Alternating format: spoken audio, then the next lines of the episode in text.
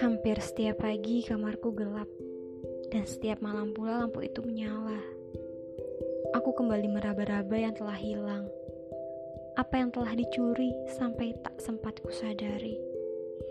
Tak kusangka kekosongan itu menyakitkan.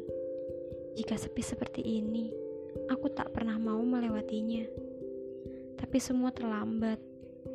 Harus arungi derita dengan gagah berani.